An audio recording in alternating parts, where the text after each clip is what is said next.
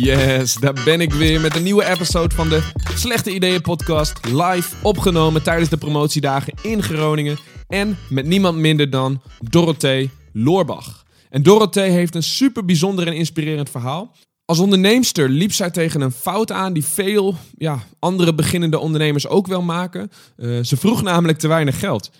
En daarnaast gaf ze ook nog eens te veel uit, want ja, binnen haar rustte een soort taboe op het hebben van geld. En dus zorgde ze eigenlijk altijd dat ze er zo snel mogelijk van af was, totdat ja, ze blut was, letterlijk. Helemaal blut. 0,0 euro op haar bankrekening. En vanaf dat moment besloot zij iets heel bijzonders. Zij ging namelijk op reis naar een soort financiële onafhankelijkheid en ging daarvoor in gesprek met topondernemers en andere specialisten om uiteindelijk haar boek Blut uit te kunnen geven en ook te zorgen dat het natuurlijk nooit weer zo ver zou komen. Tegenwoordig is ze dus auteur, maar ook spreker en uh, ja, zal zij nooit meer blut zijn. Uh, ik zou zeggen, laten we gaan luisteren. Dorothee, wat leuk dat je er bent. Ja, Helemaal in Groningen. Ja. Ja, je hebt hier ook gestudeerd, toch? Nee, ge- ge- de lagere school heb ik hier. eh, Oh, de lagere gevolgd. school. Ja. Ja, precies. Oh, dat is Ja. echt lang geleden. Ja, dat is echt. Ja, dank je. ja, dat is heel lang geleden. Wat is, het, eh, wat is het slechtste idee dat je ooit hebt gehad? Wow. Ik heb, ik heb voor. Als je kijkt naar de norm, heb ik alleen maar slechte ideeën. Want ik zie het hele leven als één groot experiment. Ja? Dus als ik een idee heb, dan handel ik daar altijd meteen naar. Of bijna meteen, als ik een goed gevoel erbij heb. Juist om te leren van het experiment. En dan kan ik bepalen of ik ermee verder ga of niet. En of het wat oplevert of dat het mijn juiste weg is. Maar ik denk dat als je kijkt naar wat er van buiten te zien is geweest van mijn slechte ideeën, dan ehm, eh, naast een, eh, een keer eh, op mijn vijftiende liften in een bikini in Frankrijk. Dat was geen goed idee. Nee? Eh, en volgens de buitenwereld was, eh, was ehm, eh, publiekelijk vier jaar geleden zeggen dat ik gefaald had als ondernemer en eigenlijk als alles. En dat gaan crowdfunden als een boek, dat, dat was volgens mijn omgeving echt een heel slecht idee. Ja, precies. Dus dat Ja. eerste voorbeeld, hè, liften met je bikini, dat was ook echt een slecht Ja, idee. moet ik echt niet doen. Dat moet je echt niet gaan Nee. doen. Dat zou je ook niet aanraden. Nee. Maar dat tweede, vertel. Ja, ja daar, daar zitten we voor, hè? Ja, ja, ja. Ehm, ja, nou ja, ik, ik, ehm, ik was al een tijd ondernemer sinds 2006. En Mhm. ehm, eh, het is niet zo dat ik, dat ik niet wist hoe ik geld moest verdienen. Ik kwam Mhm. uit eh, reclame, marketing, branding. Ehm, en ik begon in eerste instantie voor mezelf als copywriter en ging steeds strategischer werken. En dan werd echt een reclamebureau en toen ik merken bouwen. En daar, ik wist heel goed hoe ik daar geld moest verdienen. Ja. Maar ik bleek achteraf al een heel slechte relatie te hebben met geld. Dus alles wat er meer binnenkwam dan wat mij een gemiddeld inkomen zou geven, daar werd ik heel ongemakkelijk van en dat moest meteen weer weg. Oké. En op een gegeven moment voelde Hoe- alles hoe wat ik dat? deed. Ja, dat had, dat had echt te, te maken met. met ehm, deels met mijn opvoeding. Mhm. En die vind, vind ik heel goed. Ik ben heel blij met de manier waarop ik opgevoed ben. Ja. Maar ik, ik heb daar een soort eigen draai aan gegeven. Want eh, in mijn opvoeding was het echt zo van geld is niet belangrijk. Mhm. Dat vond ik ook. Alleen met name mijn moeder had nogal wat negatieve overtuigingen over mensen die meer dan gemiddeld hadden. Oh, dus ja. ik dacht echt van nou, als je te veel geld hebt, word je een slecht mens. Hmm. Dus ik dacht, als ik te veel geld heb, ben ik een slecht mens. Ja. Dat was de bovenste laag. En uiteindelijk heb ik vier jaar gedaan over het schrijven van het boek en die onderste lagen eh, vinden. En daar bleek echt wel op te zitten, ik ben er niet waard. Ik ben niet belangrijk, ik mag niet te veel hebben. En Ja. dat is een heel lastige om te veranderen. Dat kwam overigens niet van mijn ouders. Dat is gewoon iets wat ontstaat doordat iemand eh, je, je kleurplaat niet, eh, niet, niet genoeg prijst of zo, weet je wel. Omdat Ja, hij ja, ergens ja. anders mee bezig is. Maar Ja. Ehm, ja, daar kwam ik later pas achter. ja, precies. Maar je had dus op een gegeven moment, je, ja, je, je, je, gaf meer, of je gaf geld uit dat je binnenkreeg, dat gaf je gelijk weg. Of gaf je gelijk uit. Ja, in eerste instantie gaf ik het gelijk uit, want alles moest leuk zijn. Ja. En eh, het was een soort paniekreactie eigenlijk. Ja. En op een gegeven moment toen vond ik die, eh, die reclamewereld te oppervlakkig. En ik Mhm. eh, presenteerde programma's en alles voelde oppervlakkig wat ik deed. Ehm, toen werd mijn vader ziek, terminaal ziek, Mhm. had kanker, overleed uiteindelijk. En toen zag ik, eh, mijn vader heeft altijd met heel veel plezier heel hard gewerkt. En toen dacht ik, waar wil ik eigenlijk op terugkijken op mijn sterfbed? En het is niet hard werken. En het is ook niet eh, status hebben of spullen kunnen kopen of wat. En dat vond ik allemaal niet belangrijk. En, ehm, en toen zag ik dat ik, dat ik, dat was het eerste moment dat ik echt blut was, want ik had geen tijd meer. Want ik moest 80 uur in de week ongeveer eh, werken om, om de dingen te doen die ik wilde doen. Ja. En eh, dus toen besloot ik om iets te doen wat me eh, wat zingeving zou hebben, waar ik met trots en een goed gevoel op terug zou kijken. Dus toen ben ik eh, in het jaar daarna met twee anderen een trainingsbureau begonnen. Dat heette Lucid. En dan hielpen we mensen om meer hun purpose te vinden. Dat wat ze van diep van binnen drijft. Ja. En ehm, deden we elke maand een, eh, een, een workshop. Dat heette What the Fuck is Purpose. Mhm. En dat was op basis van waardebepaling achteraf. En dat had ik geleerd van een van jullie andere gasten, Martijn, Martijn, Aslander. ja, ja, ja, precies. Ja. Alleen wij, ik woon in Twente, dus in Twente is waardebepaling achteraf. En ja, als ik niks hoef te geven, dan drink ik er liever een biertje van. Dus Ja. wij kregen heel veel lege enveloppen terug. Oh ja. ja. Maar wel met de woorden, je hebt mijn leven veranderd, dankjewel. Dus wij zijn daar toen in doorgeslagen. Eh, zodanig dat we uit elkaar moesten als vennoten en allemaal voor onszelf moesten gaan zorgen. Toen ben ik in mijn eentje doorgegaan, met Mhm. name met studenten en pas afgestudeerden. Mhm. En dan was ik al blij dat ik een fles wijn kreeg of een onko- onkostenvergoeding. En ik werkte nog steeds 80 uur in de week, maar nu voor bijna geen geld. ja. Nou, en dat is natuurlijk niet houdbaar. Want niemand kan het zich veroorloven om arm te zijn. Dus eh, ja, toen, eh, toen had ik wat eh, financiële tegenvallers midden in de zomer. En ik geen inkomen, omdat ik veel in het onderwijs deed. Mhm. En eh, toen had ik in één keer niks meer. Of eh, ja, 3,97 euro op al mijn rekeningen. 3,97 euro. Ja. Dus toen besloot ik dat maar weg te geven. Want ik was heel bang op dat punt om die 3,97 kwijt te raken. Wat heel gek is, maar dat saboteert echt eh, je, ja, je creatieve brein, je denkvermogen. Ja. Toen had ik niks meer. Toen heb ik op Facebook gezegd dat ik gefaald had en dat ik een boek ging schrijven. Dat ik ging leren van de beste ondernemers en mensen die wel verstand hadden van geld. En eh, Ja. ja, en Ik toen ben ik dat boek gaan verkopen. Ja, joh. Ja, Eh, ja eh, twee dingen. Ik, ik, zeg maar, ik probeer me voor te stellen dat je, dat je gewoon niks meer hebt, zeg maar. Dus ik kan me voorstellen... En ik, het inspireert me wel, want ik, ik zat er laatst ook over na te denken... van, goh, als je nou nu in een crisistijd... als je nou niet afwacht van, goh... ehm, eh, ik heb straks misschien minder inkomen of iets dergelijks... Ja. of het, loopt, het wordt steeds minder of iets dergelijks... maar dat je, dat je gaat kijken naar... stel je voor dat ik nu gewoon niks meer zou hebben... Ja. dan ga je andere dingen doen. Dus dat maakt je in die zin ook wel creatief. Ja, zeker. Ja. Ja. ja, maar het is ook wel ongezond. Want ik merkte inderdaad dat ik, ehm, ik, ik, ik leefde op zodra ik niks meer had. Want dan zit je op rock bottom en dan kun je alleen nog maar omhoog. Dus ik Ja. werd, dan kreeg je urgentie. ja, precies, ja. Maar urgentie is vaak gekoppeld aan schaarste. En schaarste houdt je brein gevangen. Dus mensen die leven in schaarste, of het nou geld is, of tijd, of ruimte, Mhm. of, of, of innerlijke rust. Als je schaarste hebt, dan zakt je IQ wel 13 punten. En dat maakt dus dat je niet meer naar die lange termijn kunt. Ja, Dus je kan niet meer innovatief denken of creatief denken. Of je kan je niet veroorloven om je druk te maken over wat doe ik volgende maand. Of hoe ga ik over 30 jaar met pensioen. Want je moet Nee. gewoon nu eten op tafel. Of je moet nu je deadlines halen. interessante paradox vind ik dat altijd. Dat je ergens eigenlijk bepaalde beperkingen soms nodig hebt om creatief te worden. Om Ja. echt even ergens doorheen te breken.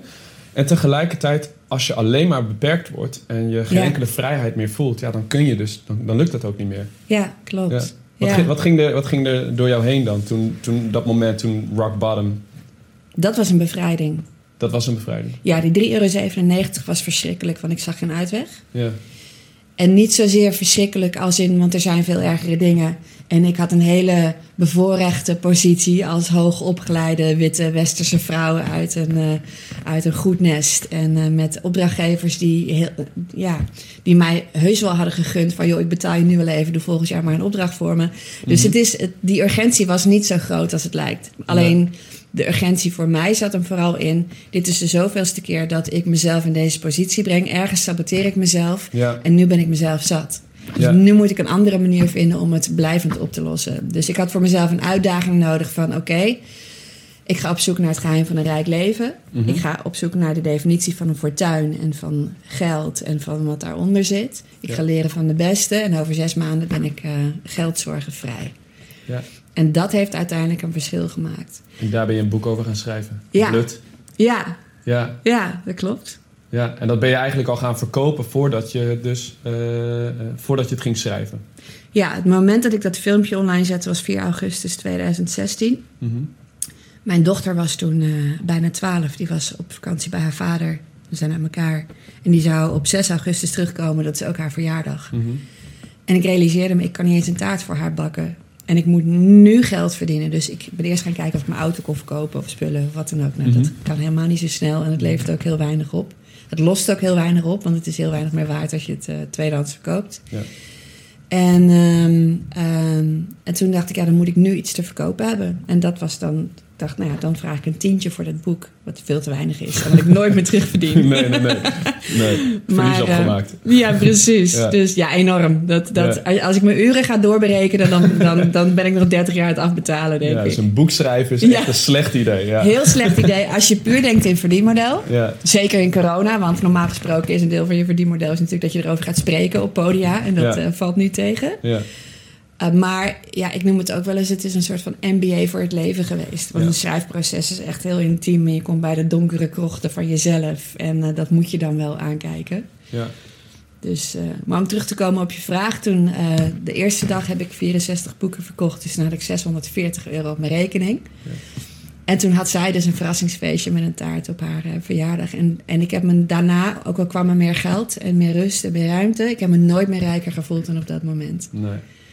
Dus het bedrag zegt helemaal niks. Nee. nee. Nee. wat bijzonder. En wat waren dan de reacties? Want je, je ging dat doen.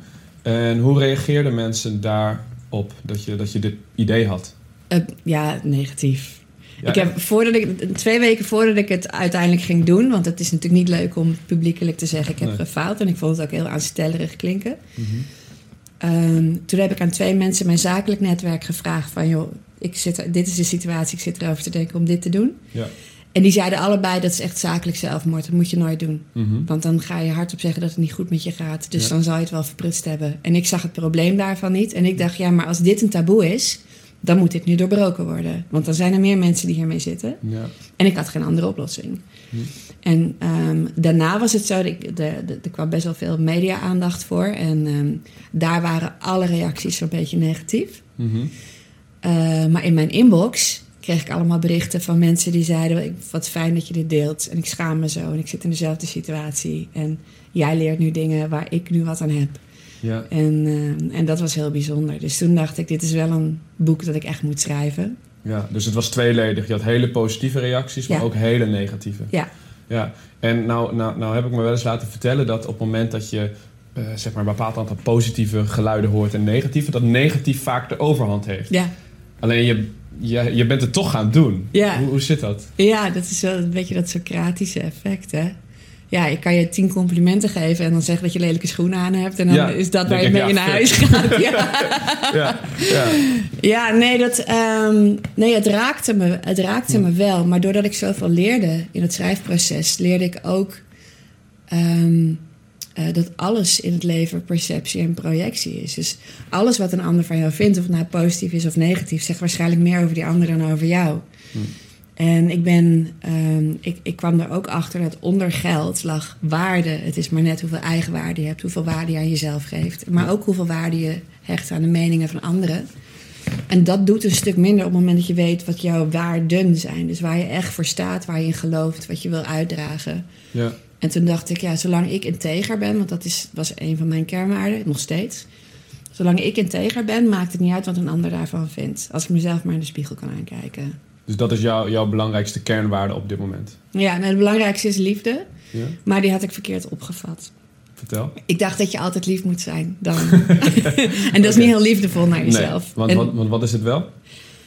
Eh, nou ja, ik, ik, ik, ik, ik ben erachter gekomen dat het veel beter werkt als je waarde drie kanten op, op eh, uit. Dus dat je, eh, eh, als je zegt integriteit is een kernwaarde van me, dan moet je inderdaad integer zijn in alles wat je doet. En Mhm. is karakter wat je doet als niemand kijkt. Dus het maakt niet uit of een ander het ziet, maar jij weet het zelf of Ja. het oké is. Mhm.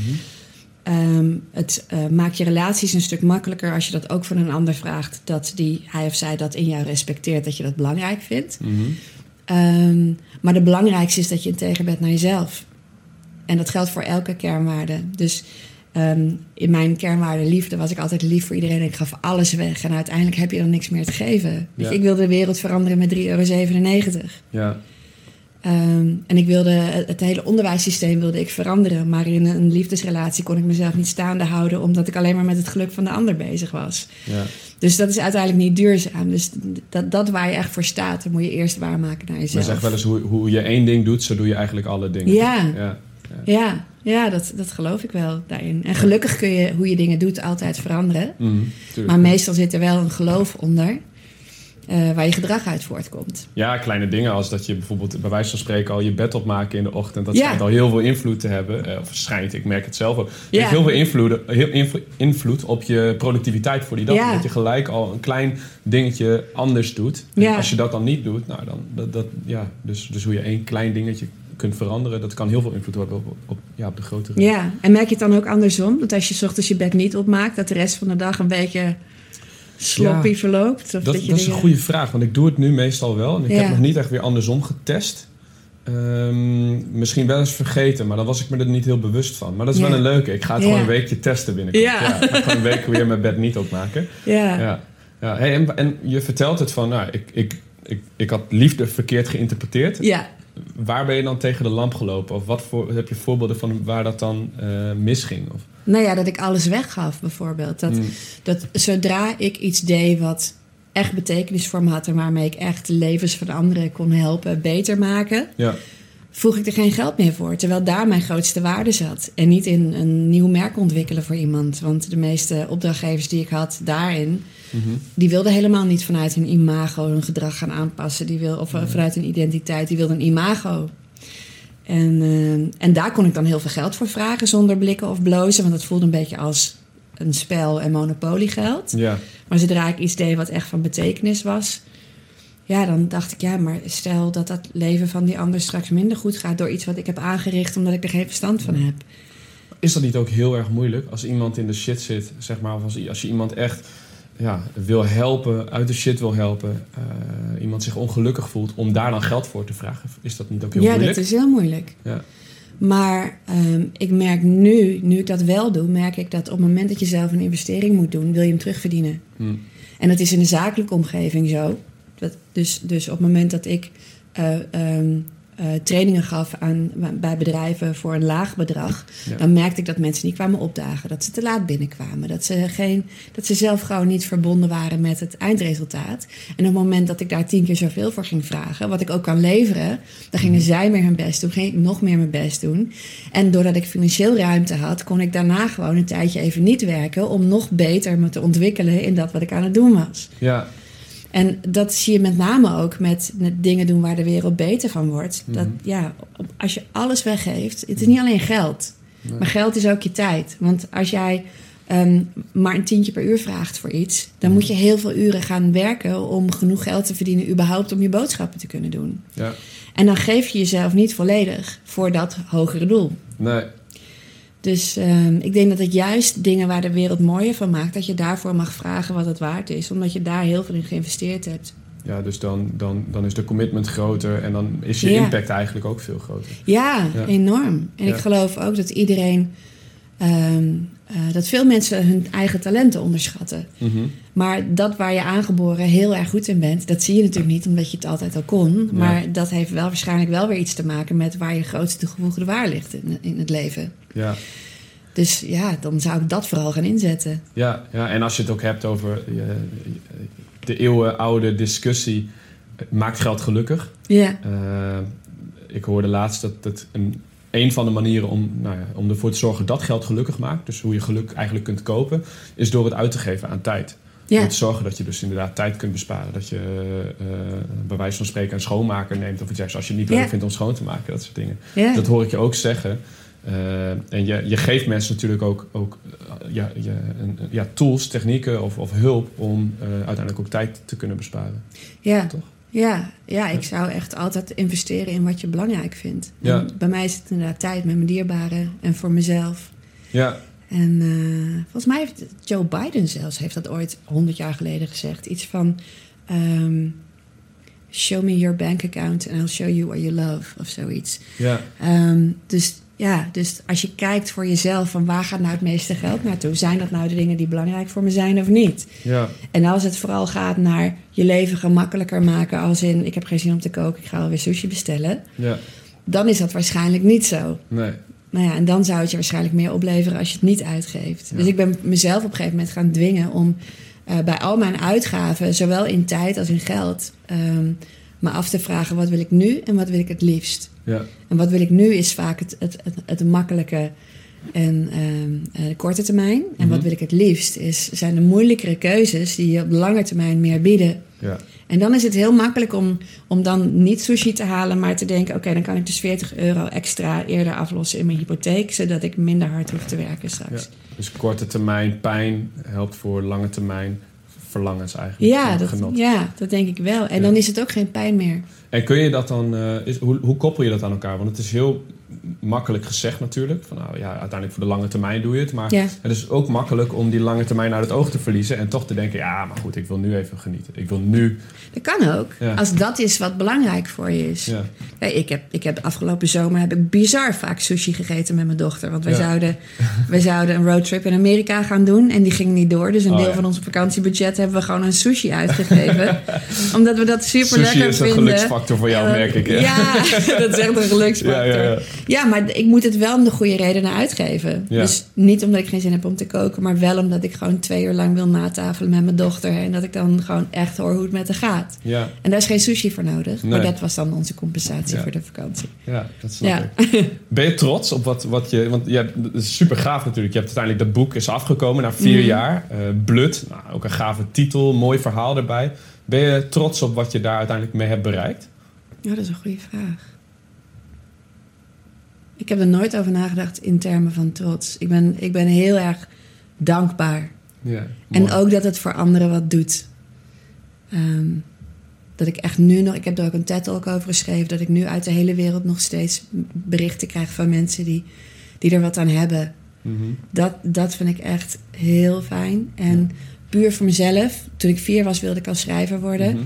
En nu ben ik schrijver. En Ja. ik, hoef ik me niet druk te maken om of ik daar wel tijd of geld voor heb. Of, wat, of, of ik mezelf dat wel mag noemen. Want ik heb een succesvol boek. Ja, En ik ben nu met mijn tweede boek bezig. En Ja. ja, ja ik ben vooral heel dankbaar. Ik ben je wel trots dat ik het When heb I'm There, I'm. Here, toch? When I'm not there, I'm here. Ja, Ja, ja, ja. ja. dat zijn eigenlijk ehm, alle gesprekken die ik met mijn kinderen zou willen voeren voordat ik er niet meer ben. Ja. En ehm, ik schrijf het voor mijn eigen twee kinderen, Mhm. maar ik geef het uit voor alle kinderen. En voor iedereen die ooit kind is geweest en Ja. dit had eh, willen horen. Een tweede MBA voor het leven. Ja, eigenlijk, ja, eigenlijk Ja. het- de, de diepere laag nog van, eh, Ja. ja. van mijn eerste boek. En wat, wat is voor jou belangrijker? Want je zegt, nou, ergens, eh, je had een droom ooit en dat Ja. heb je soort van bereikt. Hè? Je bent, bent schrijver geworden Ja. en, en, en, en dat is fantastisch. Wat is voor jou dan het belangrijkste? Dat je dat bereikt hebt of hoe je daar dan bent gekomen? Dus de, de reis of zeg maar... Nee, dat, allebei niet. Het is dat ik er ben. Ja, Het is, ja, we hadden het net in het voorgesprek een beetje over van dat je zei ik ga proberen om hier aanwezig te Volgens mij is dat het. Ik wil graag aanwezig zijn in mijn eigen leven. ja, je hebt alleen maar nu. ja, En als ik bezig ben met wat er gisteren was of wat er morgen komt, dan heb jij niks aan dit gesprek en ik ook niet. ja. En ik denk, ja, de bestemming is nooit, is nooit je doel. Nee, Het is, het is, ja, het is echt volgens mij is de reis is de bestemming ja. in alles. En je hebt alleen maar nu. ja. Dus eigenlijk continu nu. Dus op het moment dat je bij de bestemming bent nu, maar op het moment dat je onderweg bent ook nu. Dus, eh, Ja, het is dit. En het is ook dat ik zo weer in de auto stap en een heel tof boek aan het luisteren ben. Of zie hoe mooi de wolken zijn. Of eh, er is niet meer een punt dat ergens verder weg ligt. Ja, Of waar ik naar terug moet. ja. Ja. Mooi zeg. Hey, en van alles wat jij geschreven hebt en wat je nu ook vertelt, wat zou dan nog een laatste, ja, wat, wat zou je dan als tip willen meegeven aan de mensen die nu ook aan het kijken zijn? Eh oh, heel veel. Heel Ja. veel. Oké. Mag ik- er maar één. Ik, ik, ik, ik, vat hem, ik vat hem samen in vier zinnen die ik ook van mijn oma had kunnen leren. En Ja. dat is: geef minder uit, verdien meer, investeer slim en schat jezelf op waarde. En zeker nu in de coronatijd Mhm. denk ik dat als je de vier jaar wil besparen die ik nodig heb gehad om Ja. echt tot de essentie te komen, dat is dat nu je toch nergens naartoe mag en nergens in kan vluchten. Ja. Eh, ga gewoon dus op de bank zitten en voel eens wat je dan voelt. Durf dat aan te kijken en kijk wat daar dan onder zit. En als je daarop je bedrijf gaat bouwen of je leven gaat bouwen of Ja. een nieuw normaal voor jezelf gaat definiëren, dan heb je volgens mij de essentie Ja. en de echte waarde van je leven te pakken. Fantastisch. Hey, voordat je er tussenuit glipt, dankjewel voor het luisteren. En vergeet natuurlijk niet me even te laten weten wat je van de podcast vond. En dan check ik je in de volgende aflevering. Later!